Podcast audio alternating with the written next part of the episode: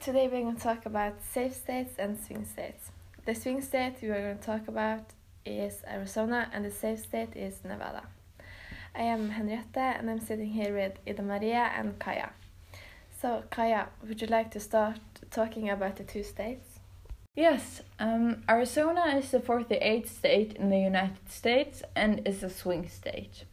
The state borders to Mexico in south and California and Nevada in west.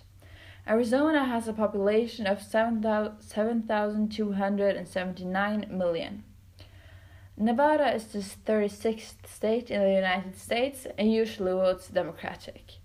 It borders to Oregon and Idaho to the north, Utah to the east, Arizona to the southeast, and California to the west. Nevada has a population of 3.08 million. There are 4.2 million more in Arizona and they are in Nevada.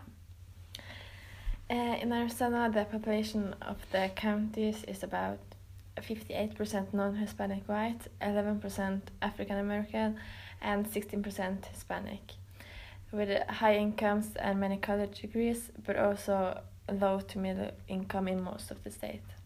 Arizona has a lot of retirees. Donald Trump won with 5% in 2016 in Arizona. Mm-hmm.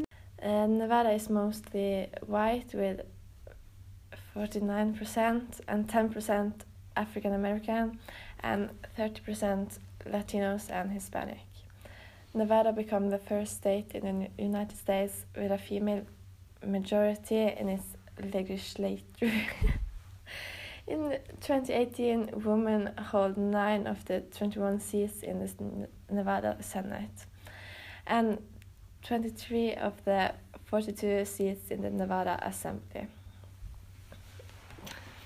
Because Arizona has many white, old people, they often uh, tend to vote Republican. We thought Arizona would vote Republican to this election too, but we were wrong.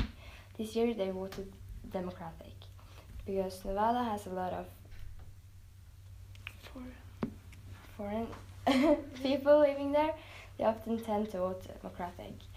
They have voted Democratic the last election, and it seems like they voted uh, Democratic this election too.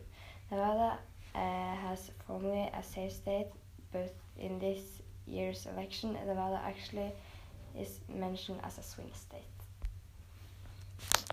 Yes. Thank, Thank you for listening. Have a nice day.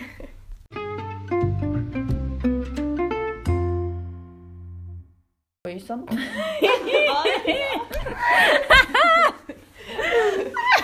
Bra start. Fuck!